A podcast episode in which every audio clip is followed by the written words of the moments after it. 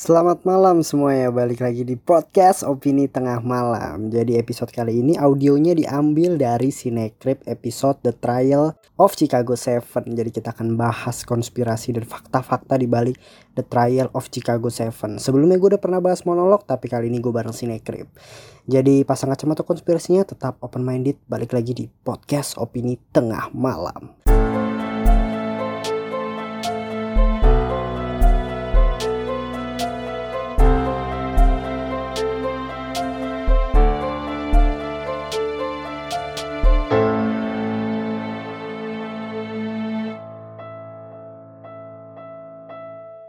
Hai Sinekrip, Hai ketemu lagi bersama kami di sini. hmm, Udah lama ya, Udah lama ya Bim ya. udah sangat lama Ke mana aja Bim masih ini masih berkonspirasi? Masih berkonspirasi Terakhir kita ngobrolin apa ya? Ngobrolin apa ya terakhir? Dark. Iya Season kali. tiga. Season Iya, itu 3 namanya. gila itu. Season yang sangat mind blowing. Iya iya iya. iya. Nggak seru emang kalau apa namanya ngomongin konspirasi konspirasi ya tanpa Bimo dan opini tengah malam Yes, ya. gitu. Mana tapi yang lain? Yang lain kebetulan lagi sibuk. Hmm. Wajar lah ya. Namanya juga hidup ya. Namanya. Kesibukan. Iya ya. jadi eh, eh, mereka udah Iya, iya. punya iya. jalannya lah. Makanya kalian tuh jangan suka penasaran gitu ya. Ke mana sih ini, ke mana sih itu. Semua juga ada jalannya. Iya. Masing-masing. Bener gak sih? Masih lah. Dan karena ngomongin konspirasi, cocoknya kita ngobrolin film terbaru di Netflix ya, bulan Oktober ini ya. Oktober ini. Yang juga membicarakan soal konspirasi politik asik Waduh, di Amerika. waduh. Berat ya? Berat. Konspirasi di negeri sendiri aja belum tentu gua beres. Keluarnya lagi pas lagi ya. Iya, lagi pas lagi ya. Judulnya adalah apa? The Trial of Chicago 7. Benar banget ya. Pengadilan untuk tujuh orang di Chicago gitu Yes, sih? benar, Bahasa benar, Indonesia-nya? benar, Iya kali ya. Ini film terbaru dari Aaron Sorkin ya. Yes, tadinya mau tayang di bioskop gak? Iya benar ya. Hmm. Tapi ya you know lah ya. Yes. Mungkin gara-gara Pandemi. Ah. begini-begini lah ya. Netflix sikat semua bro. Mau tayang di sini, ayo mampir Iya, ya. bener. Bener-bener. Ini Aaron Sorkin akhirnya bikin film lagi ya. Terakhir itu apa ya dia bikin film? Gue lupa dah. Tapi yang jelas Aaron Sorkin itu Lebih yang terkenal gua screenplay ingat, Kak? Screenplay Iya. emang. Dia itu penulis skrip yang emang udah dari dulu ya. Dia nulis buat TV series dan emang ini ranahnya banget. Dia tuh dulu TV series juga yang politik gitu lah. West Hmm, Wing judulnya kalau nggak salah. Tapi yang emang ngangkat dia banget ya social network lah. Iya. Itu mungkin penulisan dia paling gila sih kalau kata gue ya. sih. Iya. Menang banyak award juga Iya, kan? banyak award juga lah. Dan lu nonton social network pasti kayak nggak bisa berkedip gitu lah gila. Itu saking dialognya Iya. tuh anjay gila. Padahal itu cuma ngomongin Facebook cuy gila. Ya, Facebook pertemanan. ya pertemanan tapi bisa seintens itu gitu cuy. Gila ya. Aaron Sorkin itu yang bisa. Sama terakhir yang gue inget Steve Jobs. Oh, dia dia juga emang? bikin, dia juga yang bikin. Oh, berarti dia kayak spesialis based on true story Iya ya? emang. heeh. Dan yang menariknya Steve Jobs itu kan dia kayak ngambil apa namanya, cuman filmnya itu cuman kayak ngangkat tiga masanya Steve Jobs gitu. Pas Hmm. dia sebelum masuk Apple, pas udah di Apple, pas udah cabut dari Apple gitu lah. Hmm. Jadi kayak emang tahu ya spesialisasi kali ya, based on true story. Moneyball juga dia kan? Iya benar, Moneyball juga dia. Banyak sih ya beberapa dan Newsroom juga dia ada series dulu di HBO di mana ya gue lupa. Gue sempat nonton juga, tapi nggak sampai beres gitu. Itu juga dia. Oke lah ya intinya Ron Sorkin. Tapi dia baru eh, yang sebelum-sebelumnya itu screenplay doang dia, nggak direct kan? Direct itu yang itu Steve Jobs. Oh Steve Jobs itu Ah, juga dia. Steve Jobs dia yang direct juga. Kalau yang Chicago Trial of Seven ini ya dia direct dia nulis juga ya yes, kalau nggak dia salah. nulis dia yang dia yang Gokil direct. banget sih. Dan ini emang ya sesuai judulnya ya, ceritanya tentang pengadilan kerusuhan di tahun 60-an ya, kalau nggak Di salah ya. tahun 68. Iya, Di 68 tahun ya. 68 Jadi ya. dulu ada kerusuhan anti perang gitu lah ya di Amerika. Iya saat Amerika sama Vietnam kan, Hmm, emang lagi eh, mereka berperang, terus Amerika punya satu perintah mungkin Iya, ya kayak benar-benar. wajib militer, jadi yang Iya. anak muda militer, Maju, militer maju. gitu. Dan militernya juga diudinya lucu gak? Iya bener yang Ya kan, Iya, diambil dan- bola setahun Set. lahir, waduh. Bete cuy. Itu lu kayak dapat lotre tapi sial gitu Iya, ya. dikirim semua. Nah, Iya. tujuh orang ini memprotes nih kan, Nah. kalau nggak salah. Cuma ditangkep lah Nah, intinya benar. singkat ceritanya. Pemerintah Amerika nggak suka lah ada yang protes-protes gitu, jadi mereka diadili gitu Yes. langsung. Tujuh orang jempolannya lah yang ada di kerusuhan Ketua-ketuanya itu ya. sebenarnya kan. Ah, Karena mereka benar. punya masa nih tujuh-tujuh nih dan Benar, dianggap benar. berbahaya. Yes. untuk eh, pemerintah Amerika itu sendiri gitu. Cocok banget tuh. Dan salah satunya ada ketua BEM ya, kayak gitu kan. Eh, ada, gitu, ada. mahasiswa. Ketua BEM, Ya gitu. gimana aja lah kalau lu rusuh ya. Ada apa organisasi hippie Iya, gitu ya. hippie. Banyak Bener, dari bener. yang baik-baik Iya, gitu kan, bener. Bang. Itu yang banyak banget sih. Benar-benar. Menarik sih ini. Maksudnya film-film Aaron Sorkin tuh nggak jauh-jauh dari politik sih ya. Emang pasti ada aja muatan politiknya kan. Dan ini kayaknya emang film yang dia banget gitu lah. Makanya dia yang direct kali ya. Dan cast-nya itu loh kan ini. Oh iya gila benar sih. Cast-nya termasuk yang lumayan lah ya. Ini Oh, kayak sih. star-studded cast anjay. Ada Eddie Redmayne, terus ada Iya. Sacha Baron Cohen, terus ada Michael Keaton. Michael Keaton, ada Joseph Gordon-Levitt. Wah, gitu gila. ya. Ada Mark Rylance gitu. Pokoknya lumayan lah banyak gitu ya yang Kenalan ya. familiar lah ya. Kenalannya. Maksudnya se- sebanyak itu bintang ya. Iya benar-benar. Dan tag di Netflix cuy. Iya, Bingung iya, kan iya. lu? Iya, iya. Bisa kayak gitu. Tapi oke-oke sih ini pemainnya. ya, Pemainnya oke sih. Heeh. Hmm. Dan apa ya sebenarnya yang awal trigger eh, gua nonton ini karena pemerannya sebenarnya. Iya, karena nggak tahu nggak tahu nggak tahu iya, ceritanya. Benar, benar, nggak tahu ceritanya Segmented sih. banget sih sebenarnya untuk kasus ini. Hmm. Ini mah orang Amerika doang pasti yang Iya. relate. Iyalah. Makanya paksa tuh 30 menit awal. Bertahan di 30 menit awal Tapi lanjut tuh. benar benar benar. Tapi sebenarnya gua, gua suka film ini tuh masih gimana ya? Masih ciri khasnya Sorkin banget lah. Dia itu kayak ngebuka film tuh dengan apa ya? Dengan eksplosif gitu loh. Dialog-dialog yang bersautan Oh, gitu kan. iya, ya iya, kan? iya, iya, iya. Awal film tuh kayak but langsung to the point ini pada mau demo gini gini gini tapi nanti langsung cut tuh eh, ke sini lagi terus Iya, nanti iya. cut tuh ke sini lagi gitu. Jadi kayak saling bersaut-sautan tapi dieditnya biar Hmm. kayak nyambung gitu loh semua dialognya. Padahal ya intinya ngomongin gua mau demo gitu. Dan sebenarnya bikin rada apa ya? Mungkin sedikit bingung karena dia ngambil core-nya kan di persidangan kan. Heeh. Jadi dari persidangan baru tarik Iya, ulur belakang, tarik belakang, kayak iya. gitu-gitu sih. Jadi kita kayak nggak tahu demonya gimana ya yang iya, pas di iya, kita, awal. kita, kita tahu. Iya. Sebenarnya kok tiba-tiba udah di sidang gitu. Iya. Salah apa nih dia kan gitu. Jadi ini bukan film tentang demo sebenarnya. Ini sebenarnya film tentang drama persidangan gitu lah Hmm. ya. Tapi emang story-nya ya demo gitu. Jadi lu sabar aja nggak bisa lihat lu orang pukul-pukulan ada, tapi ya nanti aja Ada, gitu ada, ya. ada, ada. Bagus sih, bagus itu, Bagus. itu, itu, itu. Dan ini tuh jadi persidangan yang lama banget.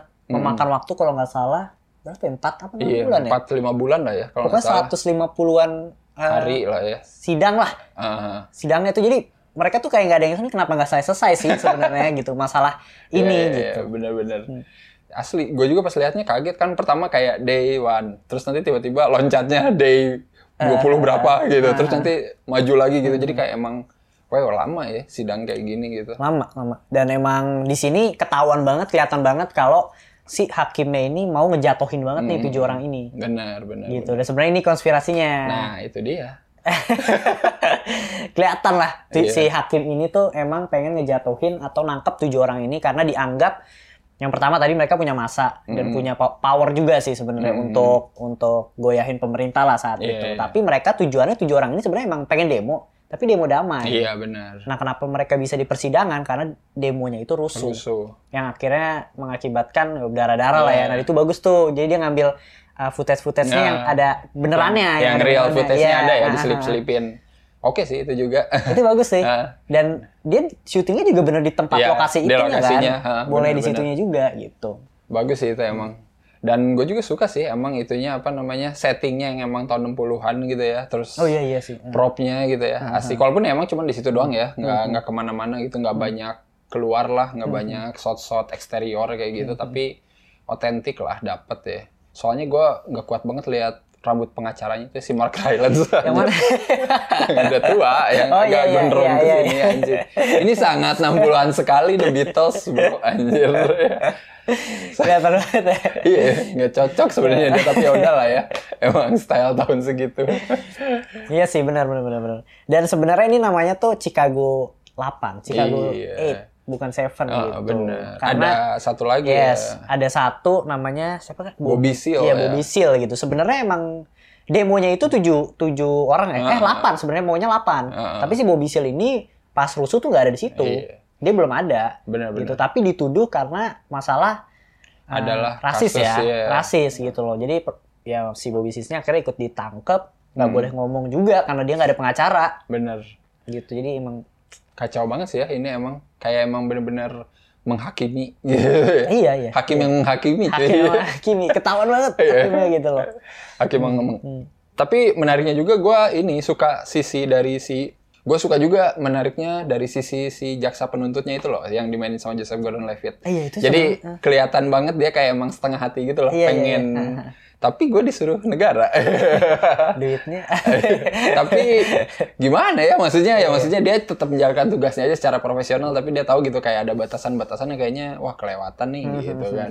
itu oke juga sih maksudnya ada sudut pandang ya ternyata nggak semua yang dari negara itu bejat gitu loh maksudnya Hmm, kayak maksa gitu ya. Di sini kayak Joseph Gordon-Levitt ngeliatin ya sudut pandang yang itulah yang ya masih, ada lah yang apa sih berhati baik lah iya, ibaratnya, masih- walaupun dia masih di pihak Ah, ah, gitu. Jadi Sebelah kayak gitu ya. masih ada simpati. Ya sama kayak karakternya si Michael Keaton lah ya. oh iya Ah, walaupun sebenarnya mungkin dia tetap politis sih tujuannya kan, yang Hmm. gara-gara yang apa penerusnya yang jaksa agung kan dia nggak suka gitu. Itu Iya, mah kan iya. kayak lebih ke konflik apa ya, ya personal, sama Personal, politik personal. Hmm. aja lah. Tapi ya adalah hal-hal baiknya gitu pengen diliatin. Jadi bagus sih emang. Maksudnya si Aaron Sorkinnya pas lah menempatkan Iya, si Joseph Jadi nggak kayak Gordon-Levitt ini. semuanya apa berat sebelah gitu ya. Jadi kayak ada semuanya punya inilah sendiri apa namanya nilai-nilai yang dipegang gitulah gitu. Dari sisi pendemonya juga sama sih gue lihat. Dan film ini juga tadinya mau dibuat tahun 2004. Wah lama banget ya. Lama, udah ditulis tuh. Dan yang yang apa sih ibaratnya diskusi itu Spielberg sama si Aaron Sorkin. Cocok Uh, cocok. ya, dia bilang, yuk kita buat film tentang Chicago Seven karena kebetulan saat itu lagi pemilihan eh pemilu di Amerika. Hmm, hmm. Jadi tepat nih kata dia gitu. Cuma Spielberg keluar dari proyek ini nggak tahu sih katanya karena isu budget. Iya iya. Dan akhirnya Aaron Sorkin sendiri yang direct. Iya Nggak sih. kebayang sih kalau Spielberg yang direct nih gimana nih gitu lagi ya pasti. Iya. iya. Aaron Sorkin sih sebenarnya emang spesialisasi nulis sih emang oke. Tapi ya ngedirect yang kayak gini juga masih masuk lah kata gua. Beberapa treatmentnya juga Iya, iya, masih oke kayak yang tadi di opening film juga kan itu treatmentnya menarik kan. Saling bersaut-sautan dialognya lewat karakter satu karakter satu karakter gitu. Sama treatment dia ngasih apa namanya ngasih eksposisi cerita si Sacha Baron Cohen yang kayak stand up comedy Oh iya iya iya. dia kan nyeritain tuh tapi nanti eh, cut tuh ke kejadiannya gimana tapi nanti ada cerita lain juga dari si Eddie Redmayne tapi nanti balik lagi ke si Sacha Baron Cohen. Itu juga ya mungkin biar dinamis aja sih plotnya jadi biar nggak nggak apa namanya nggak nggak boring gitu kali ya kan drama persidangan biasanya boring kan kalau cuman ngomongin di Iya, dalam dan dan makanya cocok itu sebenarnya ya Sasa Baron Cohen di sini tuh kayak ice breaking banget Iya, gitu kan. benar, Jadi benar, sebagai benar. icebreaker lah dia. iya iya Walaupun setuju sih Nanti di endingnya dia punya, wah ini ternyata nggak lucu doang nih, nggak sebagai icebreaker doang, tapi dia emang emang punya Iya, peran penting di sini gitu. benar benar benar setuju sih gua itu Dan dua case-nya juga kayak Sasa Baron Cohen sama si Eddie Redmayne. Itu kan dia bukan orang Amerika sebenarnya. Ah. Tapi Orang jadi Inggris ya yes, mereka dia dapat dua eh peran penting lah menurutnya. Iya. Si jadi Yippee itu sama Hmm. jadi siapa ya si Eddie ya? Eddie Redmayne jadi inilah Hayden Iya Thomas. Hayden. Ah. Thomas Hayden, Thomas Ah. Hayden. Ya, iya. Thomas Hayden yang jadi kayak paling inilah ya paling vokal dan mungkin paling ini paling berpendidikan ya soalnya Iya. ketua BEM dia ya. Ketua BEM dia. Iya, ya, ketua BEM gitu. Yang paling yang paling kok eh jangan diri ya nanti Mas Akil. Iya. dia diri kan ada di sini tuh lucu Iya. deh. Dia itu apa namanya dia menghormati institusi katanya, Katanya, iya, bukan iya. bukan. Ada gue refleks tapi Iya, ini. Aduh, katanya. gitu sih dan apa ya si sebenarnya kalau di kisah nyatanya itu yang vokal itu malah lupa nih namanya yang Oh yang David Dellinger. Iya, Ah. David Dellinger sebenarnya Iya, dia vokal. yang Iya, vokal iya. tuh dia, tapi nggak tahu kenapa Di film malah Iya, di treatmentnya si Iya, iya. Eddie Redmayne ini yang malah jadi vokalnya gitu. karena Eddie Redmayne kali aktornya cuy. nggak Maksudnya mungkin, lebih iya. kali ya. Ya, yang mirip untuk itunya susah. Iya kali ya, bisa jadi sih. Di sini emang lebih vokalnya dari sisi Eddie Redmayne sih, sama si Sacha Baron Cohen lah ada lah ya, dikit-dikit. Menarik juga tuh ya. Kenapa perubahan itu mungkin, tapi mungkin intinya apa tetap tersampaikan kali ya. Yes, yes, yes, yes. Cuman masalah bertukar peran gitu. Dan gue baca kak katanya tuh kisah nyata itu lebih dramatik Wah, dibanding Iya, si filmnya filmnya, ini. iya. Gitu. Jadi ini spoiler juga nggak apa-apa sih. apa-apa lah. Kan udah emang based on true story ya. Iya, gitu. Lu udah tahu Nah, ceritanya. iya. Kalau di film itu kan kenapa akhirnya mereka bisa memicu kerusuhan Mm-mm. Karena si Reni Iya, digebuk iya. sama polisi kan. Itu merinding sih. Iya, Itu yang pakai kacamata iya, iya. ya di sini ya. Itu di di scene itu 30 menit terakhir tuh gila banget. Heeh. Benar-benar dibawa banget. emosinya itu dia dipukul Heeh. terus ya di Redmondnya kan ngomong Langsung ngomong, wih, apa sih dia ngomong jika darah mengalir, biarlah mengalir ke seluruh kota. kota, anjay. ayo kita pergi ke jembatan lah. kayak gitu tuh. gitu dong bahasanya. Bukan pukul polisi, enggak. Iya. Tapi dia pakai ini, pakai apa namanya metafor gitu Iya. ya. Jika ada darah mengalir, harus Biarkan kota. mengalir ke kota. Gila. gitu. Langsung dia akhirnya ke jembatan dan Ah. itu akhirnya rusuh kan. Justru di situ. Nah kalau di kisah aslinya emang sama. Heeh. Dipukul polisi, cuma dipukulnya itu lebih parah katanya. Hmm. Jadi si Reninya ini uh, pengen dibunuh sama si polisinya. Jadi pas dia jatuh, dipukul berkali-kali sampai dia katanya cuma bisa merangkak. Oh, anjay, itu Terus parah banget. Iya, terus polisi ngomong si bunuh Davis, bunuh ada ada provokator Nah, iya, dari iya. polisi bunuh Davis, bunuh Davis.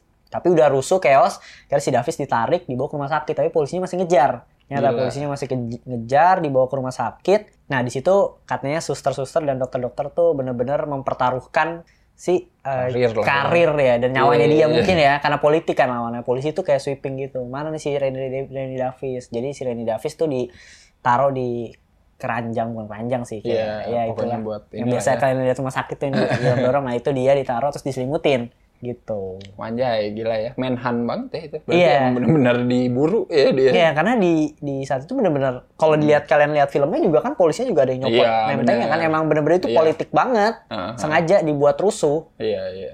biar terlihat bersalah Menarik sih. Tapi di sini mungkin si Aaron Sorkin ngambil itu jadi sudut pandang kenapa si Thomas Hayden memicu kerusuhan ya. Di sini kan dia lebih ke sudut pandang bukan masalah si apa Reni dikeplak Ah. terus dikejar-kejar ya. Hmm. Jadi lebih ke kayak kenapa lu memulai kerusuhan ya karena gue lihat dia diketok gitu kan. Jadi kita langsung gitu Iya, refleks gitu ya. Dan yang dicopot itunya yang pas mereka udah terjebak gitu kan Terjebak, di ah. depan kafe dan itu bagus sih yang di dalam kafe katanya seperti tidak terjadi sesuatu ya. Anjir, gila, the best banget. Di dalam kafe itu 1950-an, tapi di luar kafe itu seperti tahun 60-an, anjir. itu parah sih Iya. di, di, di part itu sebenarnya seru juga sih gak yang pas Iya. itu nah itu pas gebuk-gebukan itu footage-nya ganti-ganti tuh Ah, iya benar. Ganti-ganti Yang yang- ada ada yang Ah. ininya, ada yang benernya. Terus ada angle yang menarik gitu ya, kayak ada yang mirip gitu loh diambil sengaja ya. iya kayak kayak kan- tek tek tek tek Iya. gitu Kak. Sumpah. yang berdarahnya malah terkadang ada footage lamanya malah orang yang berdarah kan Iya, orang iya. beneran Orang ya beneran ya. Bagus tuh ya. Itu bagus Ngambil sebenarnya Kayak semi-semi apa namanya dokumenter gitu ya dimasukin. Ah, Oke juga sih. Ya jadi dapat sih kak sebenarnya jujur gue yang nggak ngerti kasusnya tuh jadi kayak oh Hmm. langsung baca akhirnya Iya. kasusnya kan dokumen lihat juga footage footage-nya gitu Separah itu ya berarti. Ya, itu tahun 60 cuy, gila. Ya parah juga gitu maksudnya Iya. tahun 60-an gitu ya. Nggak aneh sih kalau sekarang banyak demo yang parah. ya kan ya? Iya. Kemarin juga kan demo gitu Iya, ya. iya. kayak gitu lah Iya, kayak gitu lah. Pasti ada provokator lah ya. Selalu ada provokator sih di tiap demo ya. Anjir, bangke emang. selalu ada dari dari pihak mananya dua-duanya juga ada iya, biasanya ada aja gitu. Jangan gampang terhasut sih. itu pesan moralnya ya Pesan Iya, orangnya iya. itu cuy. nah kalau di endingnya gimana kak Endingnya menarik juga sih kalau kata gua. yang kan dia bacain tuh. Iya, tapi itu kata gue emang ending yang cocok untuk menutup filmnya ya. Maksudnya kayak udah klimaks gitu loh. Kayak lu mau ngapain lagi tuh di sidang. tapi kenapa Rosorkin memilih Iya ya, kenapa milih ya? situ padahal Nah. sidang kan banyak kan Iya, dan iya. dia juga tahu itu berbeda banget Iya. sama kisah aslinya Iya, iya. Mungkin lebih mikir milih itu mungkin karena apa ya? Karena yang penting kan apa namanya? Orang tuh demo buat apa kali ya? Oh ya buat inget ini gitu. Gue mikirnya. Jadi ya udah lu Oh, tuh oke. ah, lu tuh demo gimana sih sebenarnya gitu untuk apa gitu dan lain-lain. Iya, yang iya, penting kan iya. yang diinget itu orang-orang yang udah nggak ada gitu gara-gara kehendak pemerintah kayaknya gitu. Iya Jadi mungkin meng-highlight yang itu ya. Tapi sebenarnya endingnya nggak gitu ya. endingnya nggak kayak gitu Nggak kayak dan gitu ya? sebenarnya nggak nggak yang nggak seemosional itu Iya, mungkin ya iya. yang kayak- itu kan saya Iya mana kalau film kan harus dramatis cuy. itu juga wah ini kata-katanya apa nih terakhir kan gitu bacain nama seribu waduh berapa jam nih Satu-satu. Iya. Jadi kalau di endingnya tuh ya mereka bertujuh itu dikasih ngomong satu-satu gitu. Oh, kalau iya. di film kan emang cuma saya di Redmond kan Mm. karena sikapnya paling baik. Iya. Nah, kalau mereka di ngomong satu-satu dan mereka bertujuh tuh gak ada yang tahu kalau di hari itu adalah hari divonisnya mereka tuntutan berapa ya? Do, Iya. lima tahun penjara, Iya, penjara sama gitu. denda lima ribu dolar kalau nggak salah ya.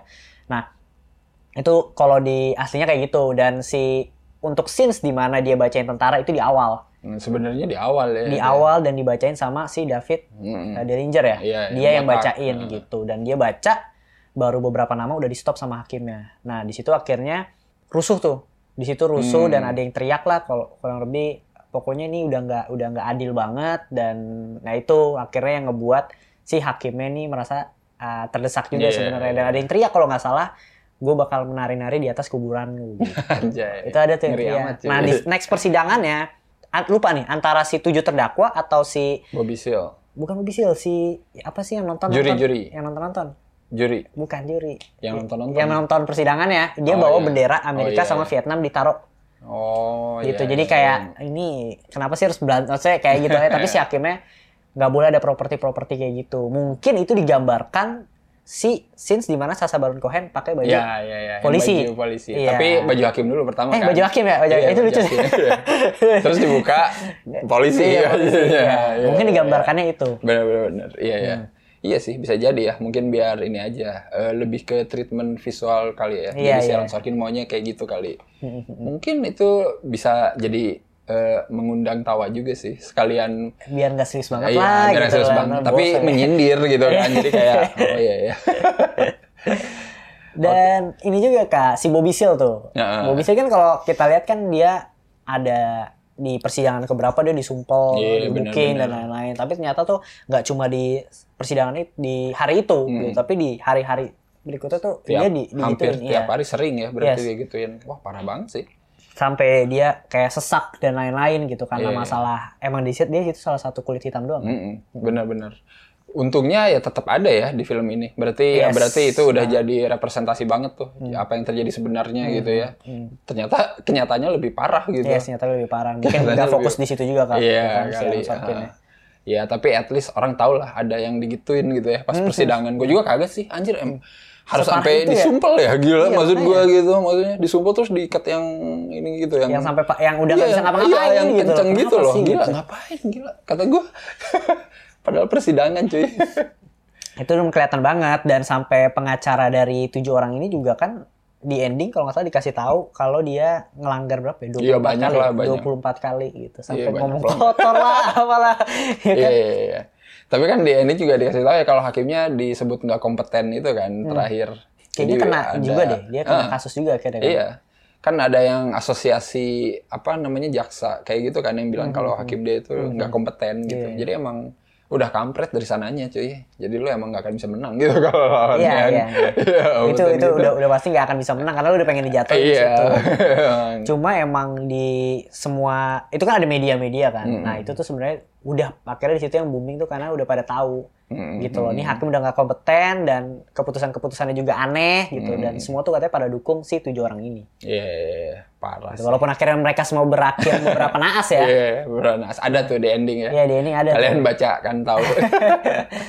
Cuma si ini yang main Eddie Redmayne. iya, cuma si Thomas Hayden iya, doang yang paling Hayden. bener. Hayden paling benar. Ketua BM pas pendidikan.